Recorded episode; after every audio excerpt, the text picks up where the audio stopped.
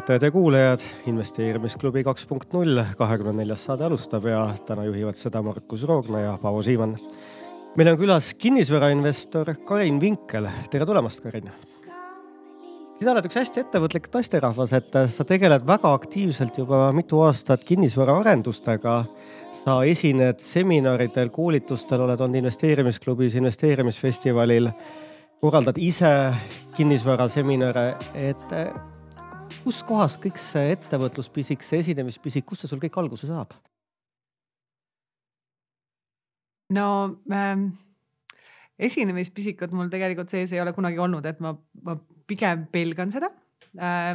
ja äh, ma olen võtnud äh, need kutsed vastu sellepärast, et siis ma saan ise areneda ja sellest foobiast üle olla. aga ettevõtlus, äh, ma arvan, et see on lihtsalt äh, ongi minus endas sees, et äh, mulle meeldib asju ette võtta. kust sa pärit oled? Pärnust. ja kas sa siis juba lapsena mängisid kodu või, või, või millised need lapsepõlve aktiivsuse ilmingud sul olid? ma tegelikult äh, ei ole nagu väga aktiivne ja sotsiaalselt äh, pigem ütleks, et suhteliselt passiivne et äh, siin olen inimestele öelnud, et ma olen sihuke asotsiaal kahjuks Äh, aga kui tegu on mingisuguse projekti või mingisuguse tegevusega, siis äh, mis mulle meeldib, siis mul tekib sees selline, selline nagu drive, et ma tahan seda teha ja, ja siis ma nagu kulutan oma aega selle peale. meil on siin infot, et äh, sa juba kooli ajal käisid suvevaheaegadel ettevõtetes praktikal ja nii edasi, et kuidas sul sellised mõtted tekkisid? Äh, tegelikult äh, ma olen nagu väga-väga tänulik oma emale, kes, äh, kui ma olin neliteist aastat vana, siis juba tekitas mulle võimaluse selles ettevõttes, kus tema töötas finantsjuhina. suvel siis olla nende büroo juhi slaš sekretäri asemel tööl ja noh, tõsiselt ma arvan, et tagasi mõeldes, siis see andis mulle väga palju ähm, sellist nagu mõtteainet ja selgust, et mida, mida ma tahan teha ja mis, milline inimene olla. millal sa oma sellised karjäärivaliku otsused tegid, et mida, kuhu edasi? no ma arvan, et ma olen sihuke pigem hilise küpsemisega. et, et ei ole nagu kiire arenguga kindlasti mitte ja, ja seda, mida mida ma teha tahan, ma leidsin üsna hilja. Äh, selleks ma pidin ikkagi mitu töökohta, noh, mitte mitu töökohta, aga et selles mõttes, et ma pidin ikkagi tükk aega mõtlema ennem, et mida ma teha, teha tahan. sa läksid ka välismaale õppima, et kust selline mõte mida see sulle andis, et? Äh, ja ma käisin äh, Saksamaal Freiburgis, tegin oma magistritööd ja samal ajal siis töötasin ühes rahvusvahelises ettevõttes Iclei Äh, mis oli ka siis äh, seotud äh, keskkonnateemadega. ja, ja see oli nagu väga hea kogemus, et ma siiralt soovitan kõigil noortel ikkagi noh, vähemalt aasta aega Eestist ära olla ja, ja nagu saada seda ähm, kogemust, et kuidas on erinevatest rahvustest äh, inimestega suhelda ja kuidas nemad nagu äh, üldse ühiskonnaga äh,.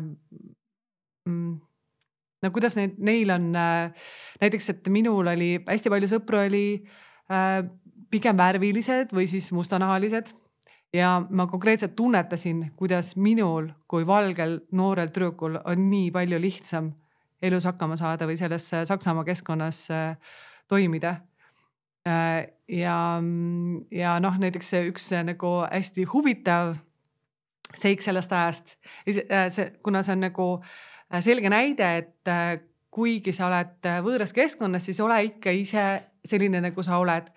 et selles ettevõttes ma töötasin projektijuhi assistendina ja no mulle anti selliseid ülesandeid, näed, siin on pabernumbreid ja pane see siis sinna tabelisse ja siis järgmine nädal oli järgmine pabernumbreid ja pane sinna tabelisse ja ma konkreetselt, ma tundsin, et mu aju nagu taandareneb.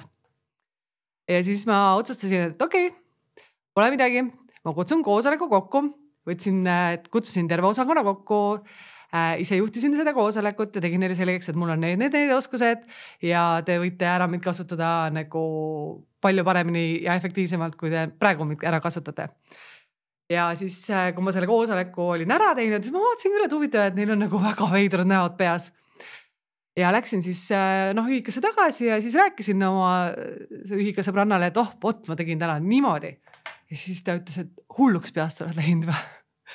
et Saksamaal nagu never ever sa ei tee mingit sihukest asja, et kui sa oled projektijuhi assistent, sa lihtsalt oled vait, võtad need paberid numbritega ja paned sinna Excelisse ja ei avalda arvamust ja ütle mitte midagi ja oled tänulik, et sa saad need numbrid sinna Excelisse panna. ja siis äh, ta ütles, et ja, et noh, parim, mis sinuga nüüd juhtuda saab, on see, et, äh, et sind ei vallandata.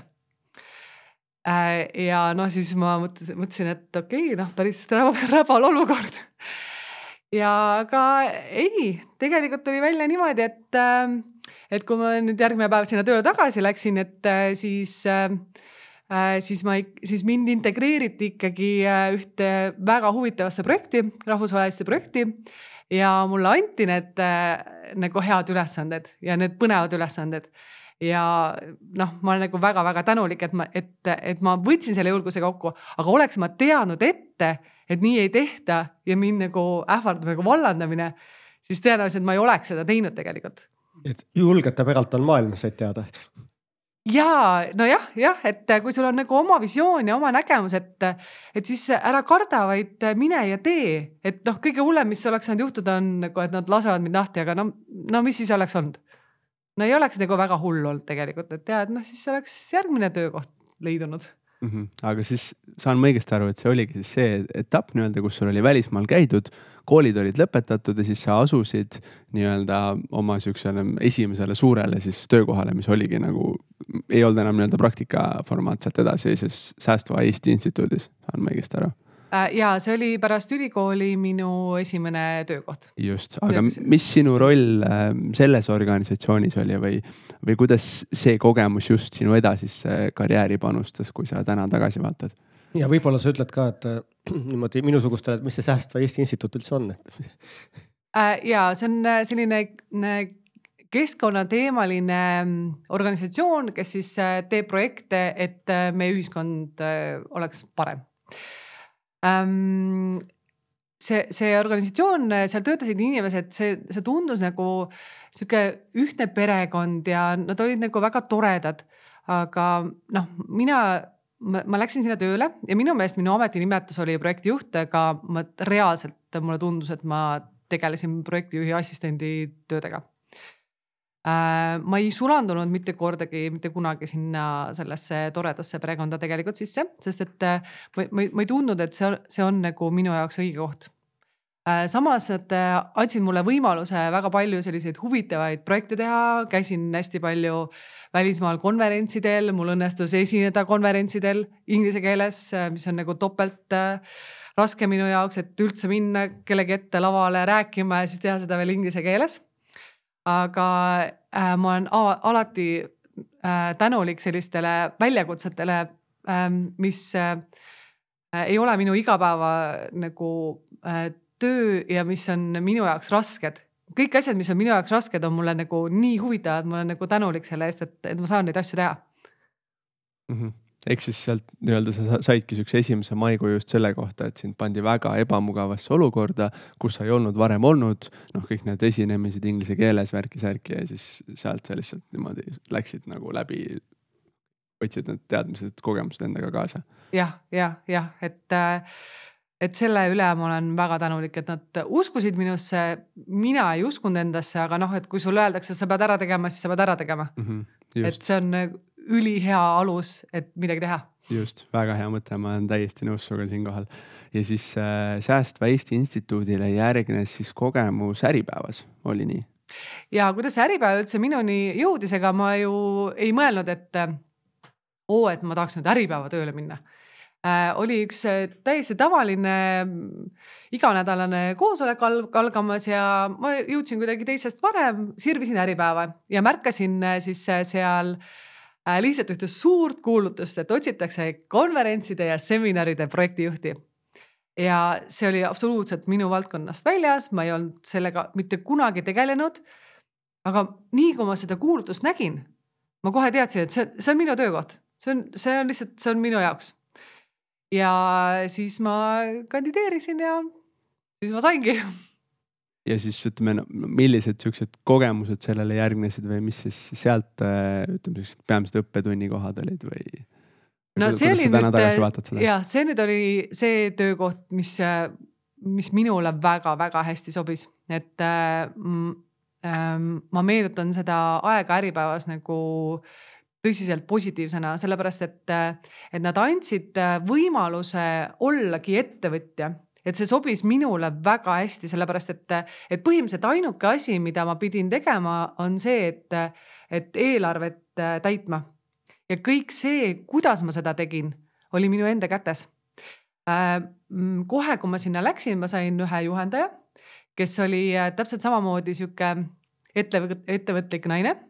Ja siis ta põhimõtteliselt ütleski, et äh, sina oled projektijuht.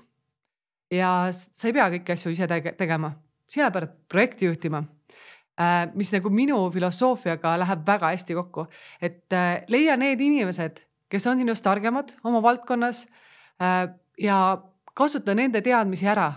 Ja sina oledki projektijuht, kes paneb selle projekti kokku, et sa, sa ei pea ise neid kõiki asju ära tegema, et sul ei, sul isegi puuduvad need teadmised, et seda kõige paremini teha. Mm. -hmm. Ja need, ta ise ei tea, aga ta õpetas mind nagu väga-väga palju selles osas ja noh, minu projektid olid väga edukad. mis need kõige tuntumad projektid on siis, äkki oleme ka käinud siin et...? Äh, äriplaan, äriplaan. Äh, sa algatasid selle? ei, ma ei algatanud seda, aga ühel aastal ma korraldasin äh, Aa. seda, et mina olin nagu projekti, projektijuht, nii et igal aastal on äriplaan mm, -hmm. Äripäeva suur konverents. ja noh, ma ütlen, et, et see, see aeg, mis ma seal veetsin, see oli nagu nii huvitav, meie seltskond oli äge. kõik tahtsid tööd teha ja, ja see tuli kõigil nagu hästi välja. et, äh, et jah, et Äripäev oli, oli väga-väga tore kogemus aga ühel hetkel hakkas siis kinnisvara rohkem huvitama, et äh, avalikkus tunneb sind rohkem nagu sellise kinnisvaraarendajana, et. Äh. no ja, et äh, ma töötasin minu meelest viis aastat Äripäevas, igal juhul, et päris, päris palju, et, et kõik ka head asjad ühel hetkel saavad otsa, et sa ei õpi sealt enam midagi, vaid et sa pead edasi liikuma ja, ja siis, siis sai edasi liigutud. aga kuidas see side kinnisvaraga tekkis? ma ütleks niimoodi, et ähm, ma ei oskagi seda, kui ma hakkan meenutama, siis ma ei, ma ei, ma ei, ma ei oska seda nagu punkti leida, et noh, nüüd ma sain aru, et ma nagu kinnisvaraga tahan tegeleda. see pigem oli niimoodi, äh, et, äh, et ma müüsin oma kodu ja ma otsisin endale uut kodu ja, ja kui, kui ma leidsin omale uue kodu, siis kuidagi nagu see harjumus, et sa istud seal kv.ee-s oli lihtsalt sees ja siis see on lihtsalt nagu, see oli nagu haigus on ju, sa vaatad neid kortereid ja, ja kuidagi see nagu sealt läks käima, et ei ole, ei ole mingi eurakad, et ma üks päev unes nägin, et nüüd minust saab kinnisvaraarendaja. et see lihtsalt orgaaniliselt nagu juhtus niimoodi et mulle meenub, et sa oled öelnud, et sa oled nagu ilusate kodude fänn nagu, et kas sulle tundus nagu, et äh, kui sa seal õhtute kaupa või päevade kaupa seal portaalis oli, et äh, puudu oli neid või, või? Äh, kui ma ähm,, kui ma lõpuks selleni jõudsin, et ma tahan üürikinnisvara teha äh,, siis ma läksin mingi hetk Peeter Pärteli koolitusele, sest et seal olid sellised inimesed, kes olid juba selle valdkonnaga tegelenud ja siis äh, sealt äh, jäi minule kõrva. Äh, teised võivad korrigeerida, aga et äh, see üldine meelestatus oli see, et ja, et ostke kõige hullemas seisukorras kinnisvara ja siis te saate kõige suuremat tootlust. et osta lõhna järgi. ja eriti hästi pidi siis minema, kui veel haiseb nagu. ja, ja äh, noh, kuna see oli nagu esimene õpetus, loomulikult oleks minu jaoks palju parem olnud, kui ma oleks ennem veel läbi lugenud selle Kiyosaki raamatu või midagi ennast harinud, aga noh ei olnud sellist tarkust. et äh, siit see lihtsalt, see ei tundunud nagu õige minu jaoks. ja, ja ma vaatasin nagu saali täis inimesi, noh, peab seda nagu õigeks äh,. ja ma saan aru, et seal on suurem tootlus, aga, aga ma kuidagi nagu tundsin, et, et üürnik on nagu ka inimene, kes tahab nagu hästi elada ja ta tahab oma kodu luua et äh, tollel ajal võib-olla ähm, see üüri, üürimine pigem oli nagu ähm, mitte nagu otsene soov, vaid siis äh, äh vajadus, et ma veel ei jõua endale kinnisvara osta ja seetõttu ma pean üürima. aga nüüd minu meelest äh, kogu aeg liigub äh,, liiguvad inimese mõtted äh, seda, seda rada pidi, et ma, ma ei, ma ei tahagi endale osta, et see on okei okay,, et ma üürin. Seetõttu ma arvan, et on väga hea pakkuda inimesele midagi ilusat, mis talle meeldib, kus ta tahab olla. Ja kui sa, kui sa pakud midagi head, siis see annab sulle endale ka rõõmu. Ja, ja ma arvan, et ja mulle meeldib nagu elu nautida, et kui, kui ma teen midagi hästi, siis mulle, mulle, ma tunnen ennast ise hästi ja seetõttu ma arvan, et nagu ja, ja tootlus ongi madalam, et see. kaalusid, kaalusid sa mingite alternatiivide vahel ka, et ma ei tea, krüptoraha hakkas juba pead tõstma ja nii edasi, et. Äh, või, või sa tundsid, et kui sa seal Peetri koolitusel olid, et see on minu teetäss ja seda teed ma lähen?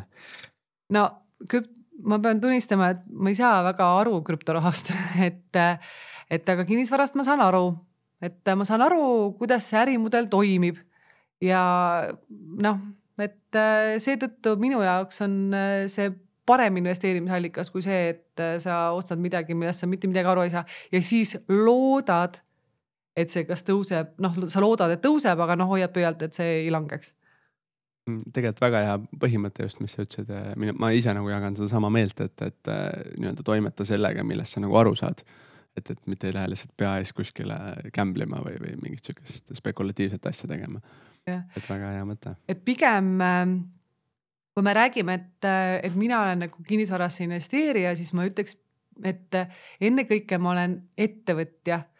Äh, et ähm, kinnisvarasse on ju võimalik väga erinevat viisi investeerida, aga mina just olen see, kes, kes annab oma panuse, et see kinnisvara, mida ma soetan, see saab nagu lisandväärtuse ehk siis me ehitame, me arendame ja siis äh, see on ju ettevõtlus. Mhm. Äh, pigem ma olen nagu ettevõtja, lisaks sellele, et ma olen kinnisvara investor aga selle nurga alt ongi hea su tänaste tegemistega edasi minna just nimelt, kus sa siis olevikus oled või täna, nüüd ja praegu. et sa oled äh, Koidu ehituse üks asutajatest, et räägi põgusalt, millega te üldse seal Koidu ehituses nagu tegelete või mis see teie täpsem fookus on? no ähm, see ettevõte tegelikult äh, sai loodud lihtsalt sellepärast, et äh, meil oli vaja ühte ettevõtet, kes ehitaks. ja noh, meil ei olnud pikemat visiooni, et, äh, et mis sellest ettevõttest saab, et, et seetõttu Koidu oli meie esimese objekti tänava nimi ja mõtlesime, et noh, paneme Koidu ehitus, et jällegi ei ole selline et nüüd äh, Eureka ja pikaajalised plaanid, et, äh, et lihtsalt hakkasime tegema. Äh, ja visioon oli see, et me arendame iseendale üüriportfelli. ja kuna me oma üüriportfelli tahame omada ainult kvaliteetset ja head üürikinnisvara, siis me peame selle ise ehitama, seepärast et, et esiteks ei ole turul tollel ajal ei olnud üldse turul seda toodet, mida me tahtsime üüri, äh, üürimajadena pakkuda. Äh, nüüd on neid tekkinud, aga lihtsalt, et, et meile meeldib omada nagu noh, palju kortereid ühes majas. ja, ja meile meeldib äh, teha seda projekti, mida me tahame ise teha. et seetõttu me peamegi lihtsalt ise arendama. kas seal alguses seal visioonis olid mõned numbrid teil ka, et mitu maja, mitu korterit, kui suure pindalaga või te lihtsalt otsustasite, et see on see õige tee ja läheme, et? Äh, esialgne visioon oli äh, teha ära Koidu viiskümmend üheksa kortermaja. ja loomulikult olid seal numbrid, äh, mis reaalsuses ei pädenud. aga ähm, tagantjärgi nagu mõeldes sellest pole mitte midagi et äh, me saime oma õppetunnid ja kui me oleks teadnud äh, neid reaalseid numbreid, siis võib-olla me poleks äh, seda projekti üldse teinud. aga mind just nii-öelda, kui ma tutvusin natuke selle portfoolioga, et mida te täpsemalt arendanud olete, et teil on siis tänaseks tehtud neli arendust. väikepatareis siis elamuhoone, kauba, kaubakümme, ärihoone, külaliskorterid Koidu viiskümmend üheksa siis samuti elamishoone, mis sa mainisid praegu. ja kõige hilisem on see juurdeveo kakskümmend viis C, mis on teil siis nii ärihoone kui ka külaliskorterid, et kuidas see mõtteprotsess teil oli, et mille põhjal te üldse valisite või otsustasite, et millist objekti te arendama hakkate, et kuidas, kuidas nagu, kuidas just need projektid sündisid, et saad sa seda tahku palun avada natuke? Äh, no äh, iga maja, me tahame, et ta räägiks nagu oma lugu. Äh, ja need korterid või need üüripinnad, mis sinna on siis äh, plaanis arendada, peavad olema sellised, äh, mis, äh, mida me näeme, et on turul vaja, et kuna me ise ka haldame ja üürime neid üüripindasid välja, siis ja otseselt suhtlema, suhtleme ka üüriklientidega, siis noh, meil on välja kujunenud mingisugune arusaam, et mida nemad ootavad ja siis, kui need äh, projektiplaanid äh, ütlevad, et just seda klient äh, soovib, siis me võtame seda ka sellega arendusse.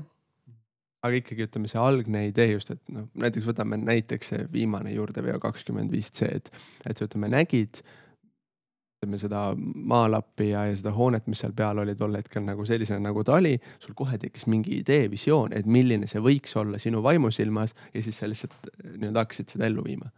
kusjuures selle viimase projektiga oli nagu noh, minu jaoks hästi suur arenguetapp. et äh, nii kui ma nägin seda projekti, nii mina teadsin, et ma tahan seda teha. ja minul oli visioon, tekkis kohe sellest aga teistel ei tekkinud. ja äh, kuna see objekt oli kolm korda suurem kui meie eelmine objekt, mis, mis siis tähendas nagu mahult kolm korda rohkem ja, ja noh, eks me kõik nagu pelgasime ka seda, et ega, et, et tegelikult ei ole see lihtsalt korda kolm eelarves ka, et see on, see on kõikides asjades palju keerulisem lahendada. ja see ei olnud uus nagu selles mõttes see oli nagu renoveeritud maja või noh, maja renoveerimine, seal võis veel tulla mingeid üllatusi.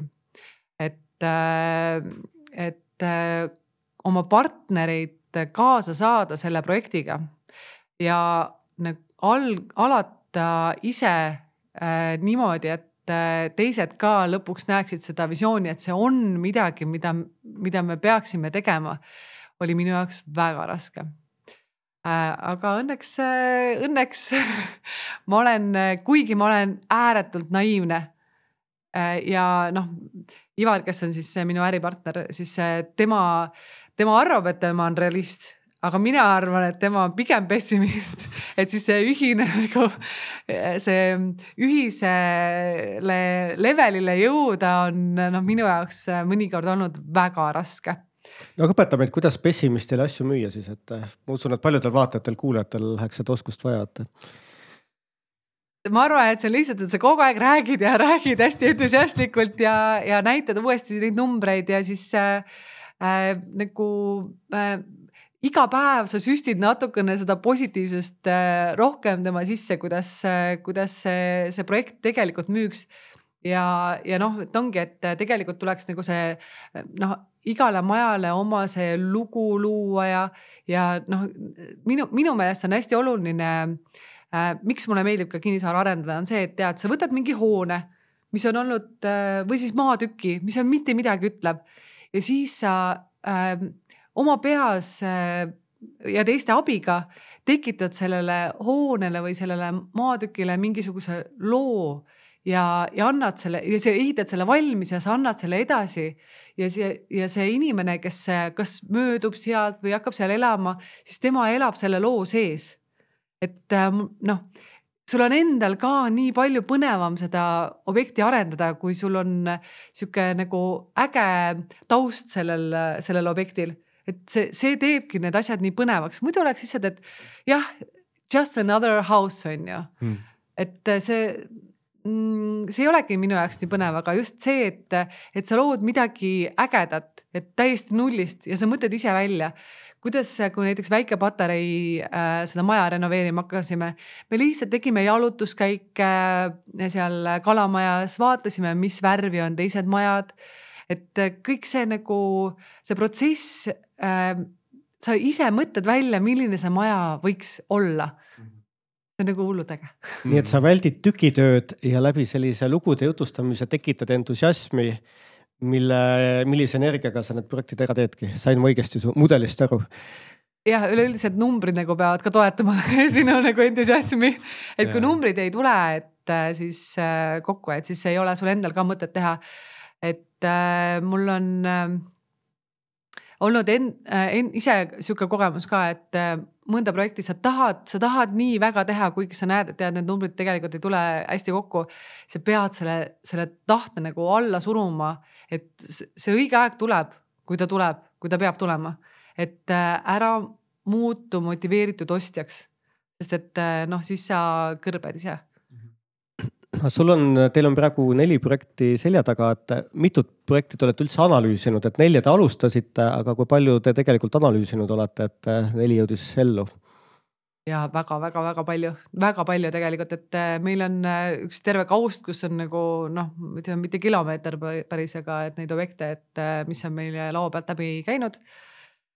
ja noh, ka praegu on meil laua peal mõned projektid, mida tegelikult tahaks teha, aga nüüd ongi küsimus, et äh, seal on äh, noh, tingimustes äh, ting-, mõned, mõned jäävad mitte hinna, vaid tingimuste taha, noh, mõned jäävad asukoha taha, et mm, me ei ole sellised arendajad, kes tahavad teha mahtu. et me võime täiesti vabalt teha paar aastat mitte midagi, et haldamegi oma üüriportfelli ja oleme rahul selle äh, noh, nende oma, oma toodetega ja alles siis, kui äh, tuleb see õige objekt, siis me võtame selle peale, et, et meil ei, meil ei ole, noh, minul on lihtsalt see, et mul on see, see drive, et ma tahan teha. aga ma pean, ma saan aru, et ma pean selle alla suruma aga ma küsiks äh, võib-olla selle nurga alt ka juurde, et äh, et äh, on nendel objektidel mingisugune muu ühine omadus, et kas nad kõik peavad äh, teie jaoks olema näiteks Tallinna piires või, või mingites spetsiifilistes linnaosades või, või kuidas te nagu selle peale, äh, sellele nagu lähenete? nagu mõned teevad ülikoolide lähedusse ja nii edasi. ja me pigem ikkagi keskendume kesklinna piirkonnale ja Kalamaja. mingitel. Kristiine võib-olla, lihtsalt Kristiines on, no palun vabandust, kui ma nüüd natukene tera-, teravalt väljendan, aga minu meelest Kristiine piirkonda on lihtsalt projekteerida, noh, et see projekt läbi saada, selline mõistlik, mis oleks üüritootlusega nagu hea ja mis vastaks nendele kõikidele tingimustele. seda on linnavalitsusest nii raske läbi suruda et sellepärast Kristiines nagu ei ole teinud. aga kui me nüüd mõnest numbrist räägime, et no mis see üüritootlus või mis see tootlus peaks projektil olema, et üldse seda alustaksite, et see minimaalne, kus see teie piir läheb nagu, et? ja ma saan aru su küsimusest, aga ma ei saa seda selles mõttes äh, vastata, et, äh, et üks asi on äh, nagu projekti enda tootlus, et kui ma võtan terve maja üüriks, aga enamus projekte ei tule niimoodi välja, et et äh, seetõttu, kuigi me tahaksime kõik projektid äh, teha niimoodi, et äh, need jääksid sada protsenti meile, sellepärast et tead, et me teeme täpselt nii, nagu meie tahaks, et meie, mis meie port portfellis oleks. aga kahjuks ei tule numbrid välja. ja seetõttu me peame osa korterit, korteriomandeid müüma. ehk siis see tootlus läheb hoopis nagu teiseks, et see, need projektid sisaldavad nii müüki kui ka, kui ka üüri et aga kui me nüüd võtame seda, et millega me müüme, siis äh, me müüme mm, oma projekte seitsmeprotsendilise tootlusega. et äh, see on äh, minu meelest uue kinnisvara puhul väga optimaalne ja investorid on olnud sellest ka huvitatud, nii et mm. -hmm ja kui küsida siis võib-olla selle nurga alt ka, et, et kuidas sa näed üldse enda kogemuse põhjal, et et, ähm, et kus peitub üldse tänases äh, turuolukorras sihuke nagu kinnisvara tootlikkus, et kas see on rohkem sihuke arendustegevus või, või, või rohkem siis rendile andmine, üürimine või, või mingisugused spetsiifilised siuksed asukohad, mida võiks nagu vaadata, et kuidas sa ise nagu tunnetad kinnisvaraturgu või, või mis su arvamus selle kohta on?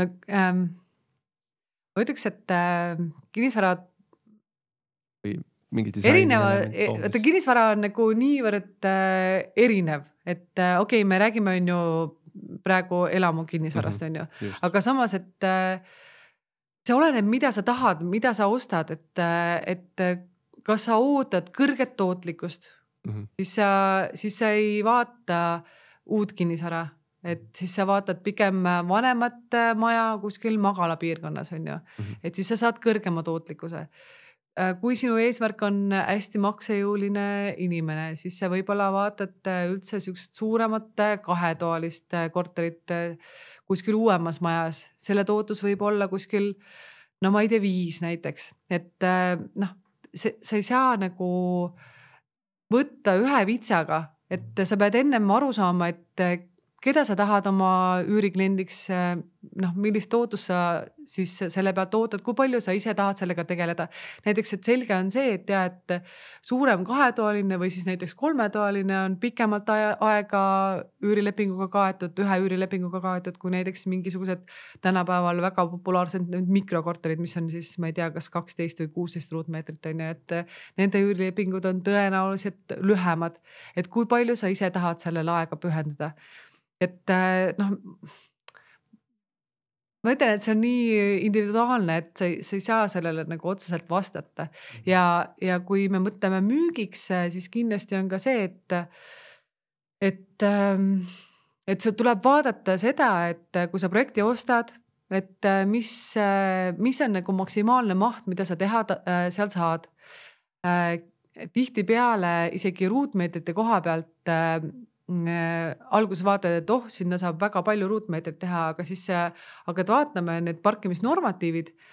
et parkimisnormatiivide järgi sa saad teha sinna näiteks ainult, äh, ma ei tea, äh, kuus suurt, ma ei tea, sajaruudust korterit, eks ole, et ja et see noh, see on lihtsalt ebaratsionaalne, et sa ei hakka nagu üüriportfelli seda, seda toodet üldse panemagi, et see, see ei ole mõistlik. see ei ole isegi noh, ma ei tea, mõned võib-olla arendavad müügiks selliseid, aga, aga müügi peab arvestama, et müügiperiood sellistele suurtele korteritele on äh, väga pikk.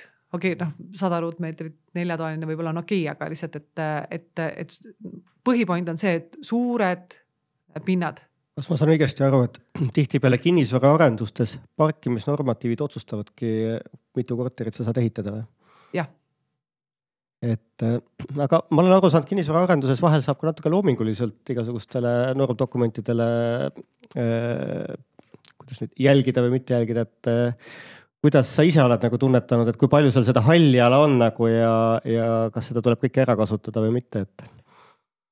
No see on jällegi see, kui riskialdis sa oled, et äh, ähm, noh, ma mõtlen, et mina äh, isiklikult äh, prooviks vältida selliseid äh, mm, noh, mis oli kunagi oli suhteliselt populaarsed, eks ole, et ja, et võtad selle suure korteri omandi äh,, siis teed, äh, ma ei tea, sinna sisse neli, viis, kuus äh, väiksemat korterit kaasomandisse ja siis müüd tükikaupa maha või siis üürid välja.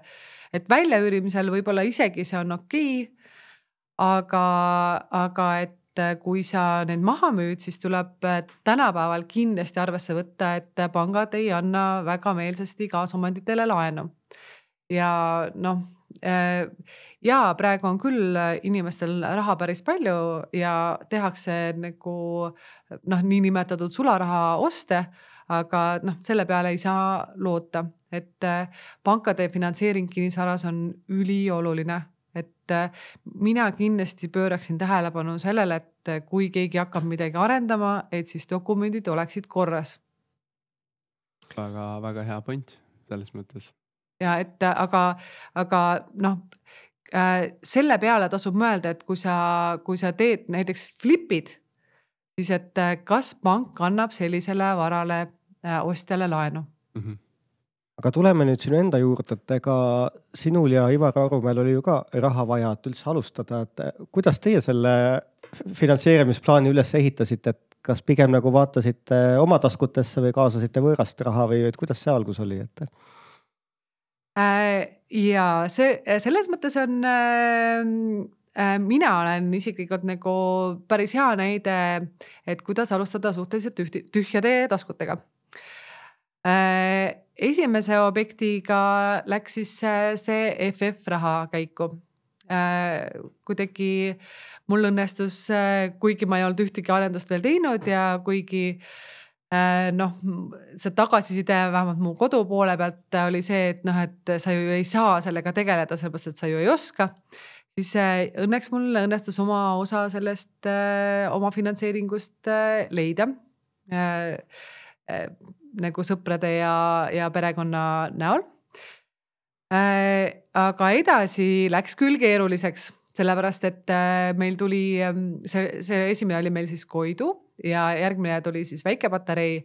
ja ma, ma nii mäletan, kuidas me olime üleni eelarves lõhki selle Koiduga ja, aga kui me nägime seda väikepatarei maja, siis mul oli seda, see tunne, et me peame selle, selle ostma, sest et see oli nagu nii mõistliku hinnaga ja see asukoht oli lihtsalt, see oli nii super asukoht.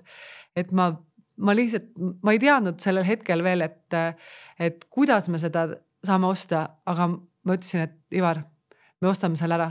Ivar ütles, et kas sa saad aru, et meil raha ei ole? ma ütlen, ma tean, aga et me leiame selle raha ja siis, aga noh, ta nagu ta on juba nagu minu piiritu naiivsusega harjunud, on ju, ja, ja ta teab, et ja et, et isegi kui tema sellesse ei usu, siis kui mina ütlen, et saab, siis kuidagi ikka saab. isegi kui kuidagi ei saa, siis kuidagi ikka saab. ja siis me tegime põhimõtteliselt praktiliselt järgmisel päeval Äh, võlaõiguslepingu ära ja siis mul oli kuu aega, et, et leida siis see oma finantseering või see, või noh, see finantseering, et välja osta see väike patarei maja.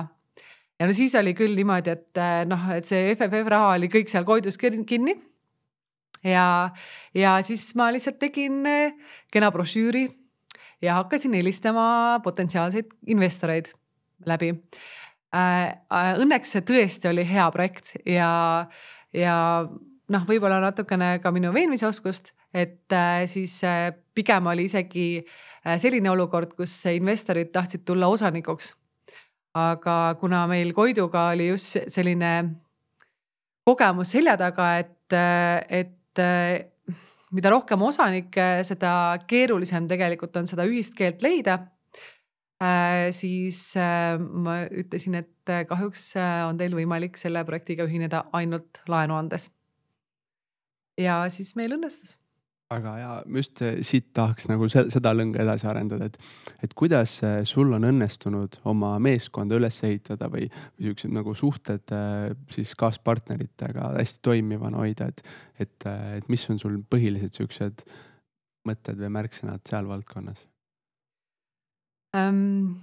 no Äh, mul on selja taga üks selline kogemus, äh, mis, äh, mis oli tegelikult väga raske, et alustasime tegelikult ähm, seda Koidut kolmekesi ja, aga ühel hetkel ikkagi oli selline olukord, kus kaksteist partnerit, noh, nende nägemused läksid nii lahku, et, et, et, et see hakkas segama projekti. Ja siis äh, lihtsalt äh, pidime nagu otsuse tegema, et keegi peab äh, sellest projektist nagu loobuma. Ähm, need kõnelused ei olnud absoluutselt lihtsad. ja projekt oli väga raskes olukorras. nii et kõik olid närvilised.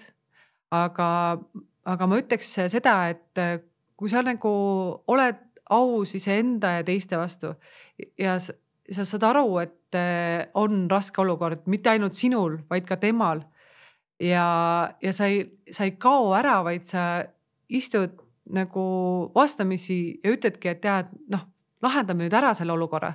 et äh, üritad äh, leida sellist võimalust, et, et saaksite nagu minna lahku niimoodi, et äh, jah, lossid on mõlemalt poolt aga et äh, leiame siis selle nagu ühtse tee ja ma arvan, et, äh, et ma suutsin äh, või noh, praegu me oleme ka selle, selle inimesega, kellega me siis läksime, kelle, kellega meie teed läksid lahku, et mina suhtlen ka sõbralikult ja, ja ma, me oleme ka hiljem kokku saanud ja erinevaid projekte arutanud, et, et see kui sul on rasked ajad, see ei tähenda seda, et, et sa, et sa lähed inimesega lõplikult tülli, et see ongi äri ja me peame sellest aru saama, et, et see ei pruugi minna alati nii, nagu me plaanisime. Kas praegu osalused jagunevad pooleks? jah.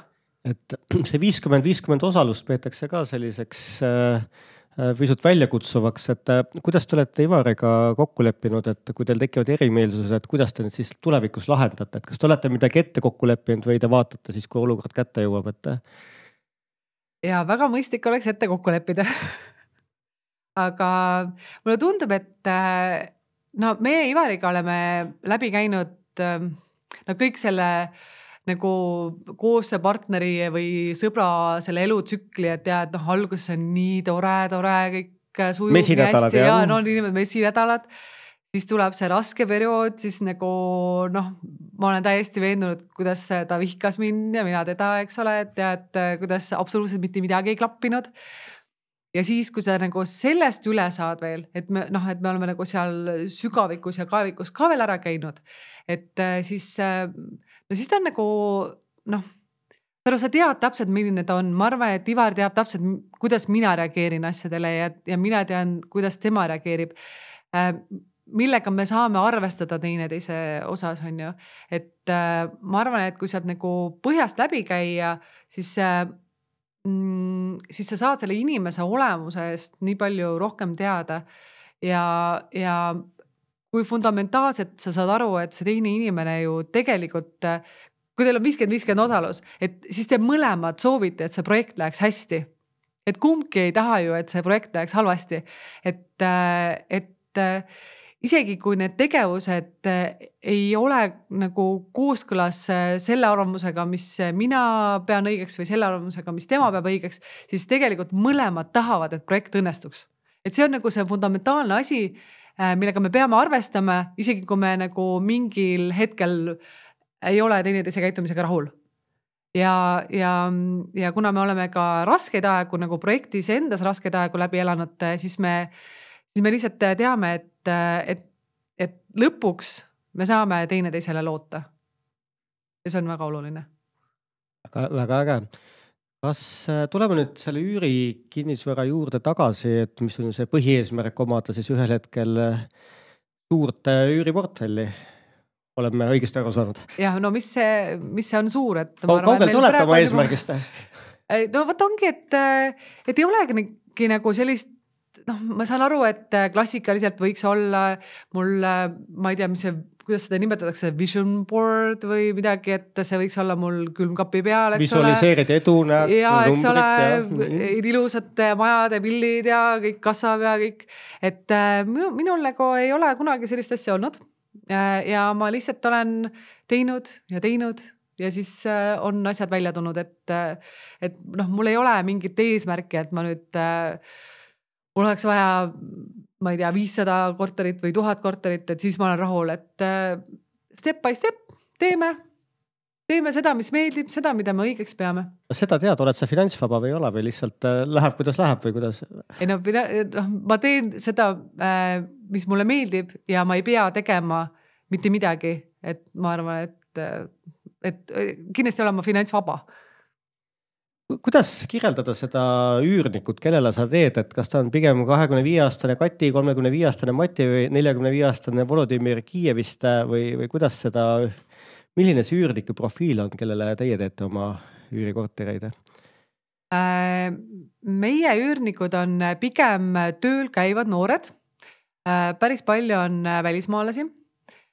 Äh, ja sellised nagu maksejõulised ja inimesed, kes, kes, kellele meeldib äh, ilusas uues äh, korteris elada, nad ei vaja väga suurt pinda, aga nad tahavad, et kõik oleks uus ja ilus ja hea. ja kuna meil on üürimajad ja sellised uued, siis äh, nende naabrid on ka niisugused toredad noored inimesed, et see kuidagi see kommuun nagu tekib sihuke sõbralik seal keskkonnas. kuidas need üürnikud sinuni jõuavad, et kuidas sa need leiad? Äh, no põhiliselt on ikkagi kv.ee kuulutus ja millist taustatööd sa ise teed, et äh, siis äh, üürilepinguni üldse jõuda, et võib-olla kõigiga alati ei tahagi üürilepingut sõlmida, et mis see sinu taustatöö on, esiteks üürnikega tegeleb meil Ivar. aga teiseks kindlasti me ei võtagi kõiki üürnikke, et kes soovivad. et üks asi on see taustatöö, vaatame, kas neil on võlgnõusi kuidas, ähm, mis töökoht neil on. aga väga oluline on ka see, kuidas see, kuidas sa ise tunnetad seda inimest. et äh, mõnikord on lihtsalt ei ole hea tunne, et äh, siis ta ei ole sinu jaoks sobilik, et ta on kellegi teise üürnik, ta lihtsalt ei ole sinu üürnik ja seda oma sisetunnet ei maksa üldse mitte karta. et äh, kui sa ei tunne õigesti, siis tuleb järgmine, kellega sul on parem tunne kuidas, kui paljud siis üürilepingud üürilepinguni teiega jõuavad Ivariga, et kes teie poole pöörduvad, et mis see filter on? et sa ütled protsentuaalselt, et no, palju. suurusjärgus, et kas iga teine või, või üheksast kümme või, või kümnest üheksa äh, no selles mõttes on ähm, äh, näiteks kui me võtame siin kuu aega tagasi on ju, mis oli hästi high season oli see, et, et äh, noh, soovijaid oli selgelt palju rohkem, kui meil oli võimalus. Et äh, siis äh, lihtsalt, et äh, see, kes ees, see mees, et noh, see oleneb nagu sellest perioodist või aastaajast ka hästi palju, et loomulikult noh, mida rohkem me arendame, seda rohkem meil on üüripindasid pakkuda ja siis seda liikuvust on ka rohkem, et noh, et siis me saame näiteks pakkuda alternatiivi. ah, et, et juurdeveos me näiteks enam ei ole ühtegi vaba korterit, sest et inimesed tulevad ka täiesti äh, Nad leiavad need kontaktid, ma ei tea kustkohast, aga lihtsalt helistavad, isegi kui meil ei ole kuulutust üleval. ja siis me saamegi pakkuda, et ja, et äh, näiteks aga kaubas vabaneb meil kahe nädala pärast äh, üks korter, et, äh, et te võite sinna saada, et me, me saame nagu alternatiive pakkuda, pakkuda et ma saan aru, et te üürnikega tegelete praegu ise, et ei ole seda kellelegi ei osta seda teenust sisse, et kes äh, kogub üüri ja vastab kõikidele küsimustele, sõltumata kellaajast ja nii edasi ja kõikidele probleemidele. ja siinkohal mega respekt Ivarile sest noh, mina olen aru saanud, miks osad inimesed üürikinnisvaraga ei soovi tegeleda, ongi just see, et ei ole võib-olla piisavalt passiivne äh, investeering, et kui aktiivne või passiivne see tegevus siis on, et äh,? ma konkreetselt pööran tähelepanu, et see on kaugel passiivsusest et äh, sa, kui sul on mingi ah, kaks, kolm, neli, viis korterit, siis see võib sulle tunduda, et see on passiivne. Aga kui sul on kuskil kakskümmend, viiskümmend, sada pluss korterit, noh, see on konkreetselt sada pluss, see on nagu täiskohaga töö, et see, see ei ole üldse passiivne. et äh, mm, meil on äh, siin viimase objekti puhul ka kindlasti äh, rohkem äh, turundasime seda, et, äh, et kui investor meie üürimajja ostab korteri, siis me pakume siis seitse protsenti tootust ja, ja kaks aastat üürigarantiid. Et äh, miks me seda seekord väga jõuliselt tegime, oli see, et me saime äh, kaubaprojektiga väga hea õppetunni just selles osas, et me küll siis pakkusime seda varianti investoritele, aga investorid olid äh, ähm, Nad ei võtnud seda pakkumist vastu ja siis tekkis olukord, äh, selline olukord seal kaubamajas, kaubamajas, Kauba kümme üürimajas, et, ähm, et äh, korterid oli, äh, hakati välja üürima, samu korterid hakati välja üürima erineva üürihinnaga. Sinna majja tekkisid sellised üürnikud, kes nagu ei ole meie jaoks nagu hea profiiliga ja, ja see kuidagi see süsteem ei toiminud, see, see, see läk-, see hakkas nagu lagunema ja see, see ei olnud meie noh, see ei kaitsenud nagu meie vara. Äh, me pöörasime sellele tähelepanu ja need omanikud said ise ka aru, et see ei ole nagu hea lahendus.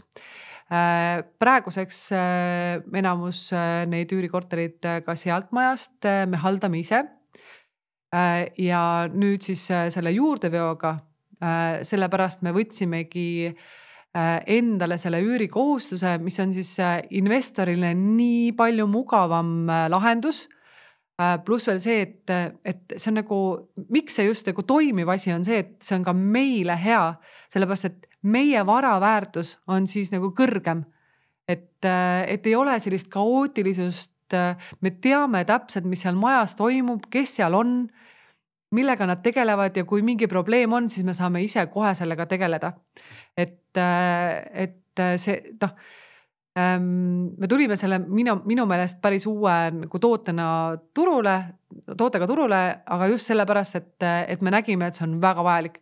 et ähm, noh, palju õnne nendele üürimajadele, kus on kõik killustatud, et eks nad siis saavad mingil määral, need ka toimivad tõenäoliselt, aga meie just tahtsime oma üürimajades seda ühtset süsteemi ja ma arvan, et, et see on nagu parim mm. -hmm lahendus. ma just tegelikult tahtsin sellesama juurdeveo näite kohta küsida, et ma saadet ette valmistades kõik äh, otsisin teie kodulehe nurgatagused läbi ja, ja märkasin seal sama asja et, et äh, seitse protsenti see garanteeritud tootlus ja siis investorile sada protsenti siis passiivne üüritulu ilma igasuguse halduskoormuseta, aga kuidas te just nagu selle üles olete ehitanud, mind nagu huvitab see, et millised, ma ei tea, tegevused, valikud või, või juhtimine kõik teeb selle võimalikuks, et sisuliselt kui midagi juhtub, siis kas üürnikul või objektiga või mis iganes, et siis kohe teie nii-öelda siis võtate selle lõhkenud toru olukorra lahendamise enda peale ja omanik äh, korteril ei pea siis nagu muretsema selle eest või, või millised need teie tegevused selle raames nagu on?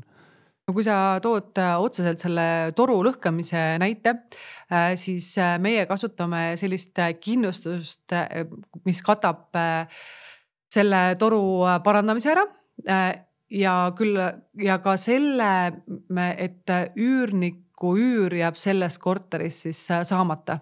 et äh, selline kindlustustoode on olemas ja me oleme seda ka kasutanud. et äh, see on nagu puhtalt kindlustusjuhtum aga kui sa mõtled nüüd seda haldusteemat just, et siis me oleme võimalikult palju üritanud automatiseerida, noh näiteks, et mis tegelikult, äh, kui sul on äh, sada ja rohkem korterit äh, hallata, et siis kindlasti võiks olla sul need veekauglugejad, eks ole, noh õnneks elektrikauglugejad on täiesti tavapärane, aga, aga noh, kes, kes, kellel on siis, ma ei tea, mingi kümme pluss korterit, nad teavad, et, et kui raske võib olla üürnikelt kätte saada see, see näitude nagu info, et kui sul on, isegi kui sul on nagu ainult viis sellist äh, üürnikku, kes pidevalt jätavad äh, sulle näidut äh, esitamata, sa pead sellega tegelema me, meili saatma, helistama, sa pead kogu aeg nagu, nagu meeles hoidma, et jah, et ikkagi neid ei ole, neid ei ole, neid ei ole. sa ei saa teha kõikidele neid arveid ära, sest et noh, ja kui sa võtad selle info, siis sa teed, teed hea meelega kõigile korraga need arved, et ja siis on see aja efektiivne, eks ole. et ähm, just, et sellised äh, lahendused, äh, mis, äh, mis on nagu süstemaatilised, mis või võimalikult vähe sinult aega võtavad ja, ja sa ei pea nagu iga uue protsessi puhul leiutama ratast, et ja, et sa tead, see olukord, see läheb nagu selle järgi, et mm. -hmm ehk siis nii-öelda põhiline mõttekoht, mis siit kaasa võtta, ongi siis tegelikult see, et mida vähegi nii-öelda rohkem on võimalik automatiseerida igasuguseid näitusid ja muud admin asja, siis seda võiks nagu teha või otsida seda automatiseerimise võimek-, võimekust nii palju kui võimalik. jah, aga meeles peab pidama ka see, et alati jääb juurde inimfaktor mm. -hmm. et äh, keegi peab üürnikega suhtlema mm, -hmm. et äh, noh, kasvõi see, et Äh, mõni inimene ju äh, jääb oma üüriga hiljaks mm. -hmm. et äh, noh, siinkohal ma näiteks küll ütleks välja ühe soovituse, et, et ma tean, et paljud, kes üürivad oma korterid välja, et nende see lepingujärgne üürimakse on siis noh, sellel jooksva kuu keskel, et noh, et siis on nagu palgad tulevad, eks ole, ja siis sa saad maksta aga meil on äh, spetsiaalselt see üürimakse toodud äh, eelmise kuu kahekümne viiendaks kuupäevaks sellepärast, et äh, siis kuu alguseks, kui on juba noh, et me saame juba näha, et ja, et keegi on võlgnik. et me ei pea äh, ootama nagu kuu kesket, noh järg nagu selle jooksva kuu keskmist, et, et avastada, et mingi probleem on. Te küsite ette nagu? jah mm. -hmm kui Väga... tihti õnnestub üldse seda üürimäära nagu üle vaadata või mis see üüriturg on teinud, et mis see teie kogemus on Ivariga, et? Äh, no me ikka kord aastas vaatame üle. ja, ja kui palju siis on, mis see turg on teinud, et kui palju see on siis nagu öeldakse, üüritulu suurendada õnnestunud selle ülevaatuse käigus? kusjuures see on täiesti hämmastav. ma ei ole seda nüüd vaadanud ja nüüd, kui ma numbreid vaat-, ütlen, et siis ma võin natukene eksida, aga kui me tegime kaubat see oli minu meelest kaks tuhat seitseteist vist oli, kas ta sai valmis kaks tuhat seitseteist, ma arvan, kuskil lõpupoole. ja kui me prognoosisime seda, siis me prognoosisime hinna, üürihinnaga kolmsada kuuskümmend viis. ja praegu reaalselt on need korterid välja üüritud nelisada eurot pluss käiv-, pluss äh, kommunaalkulud, et äh, ausalt äh, ma, kui ma ise seda prognoosi tegin, ma tõsiselt ka ei uskunud, et üürihinnad nii palju tõusevad. aga jah, nõudlus on suur äh, ja see on ainult vesi meie veskile, ma olen kindel, et mingi hetk äh, see enam nii roosiline ei ole, sellepärast et ja, et tulevad teised noh, sarnased tooted ka peale, siis on lihtsalt, siis ongi see, et meie plussiks on see, et, et need majad räägivad oma loo ja kui inimene näeb seda maja, siis ta lihtsalt tahab seal elada. et ta ei ole lihtsalt nagu tavaline hoone. aga kui palju te sellise puuküürnike probleemiga olete kokku puutunud? no meil tõesti ei ole sellist olukorda olnud, et, et nagu puuküürnik, et ma olen kuulnud väga karmi, karme lugusid äh, ja kogemusi teiste mm, üüri äh, nagu kinnisvara omanike käest, aga ma ei tea, kas meil on nagu hästi läinud või on äh, see taustakontroll parem.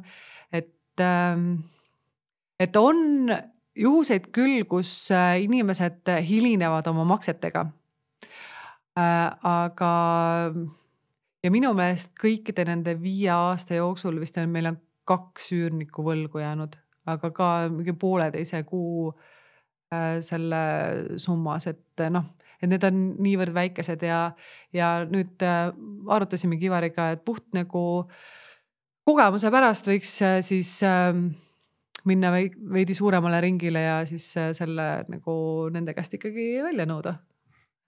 väga hea mõte, ma tahaks just see puuküürnike teema on tegelikult ütleme noh, kinnisvaras kindlasti üks olulisi riske, et äh, saad sa palun äh, välja tuua võib-olla nii oma arendaja kui investori vaatest, et millised on siuksed ähm, suuremad riskid veel kinnisvara puhul, millega sa oled kokku puutunud, noh, ma ei tea, stiilis äh, hoone seisukord, äh, mis iganes naabrid seal on ju, omavahel, mis iganes profiiliga nad ka ei oleks.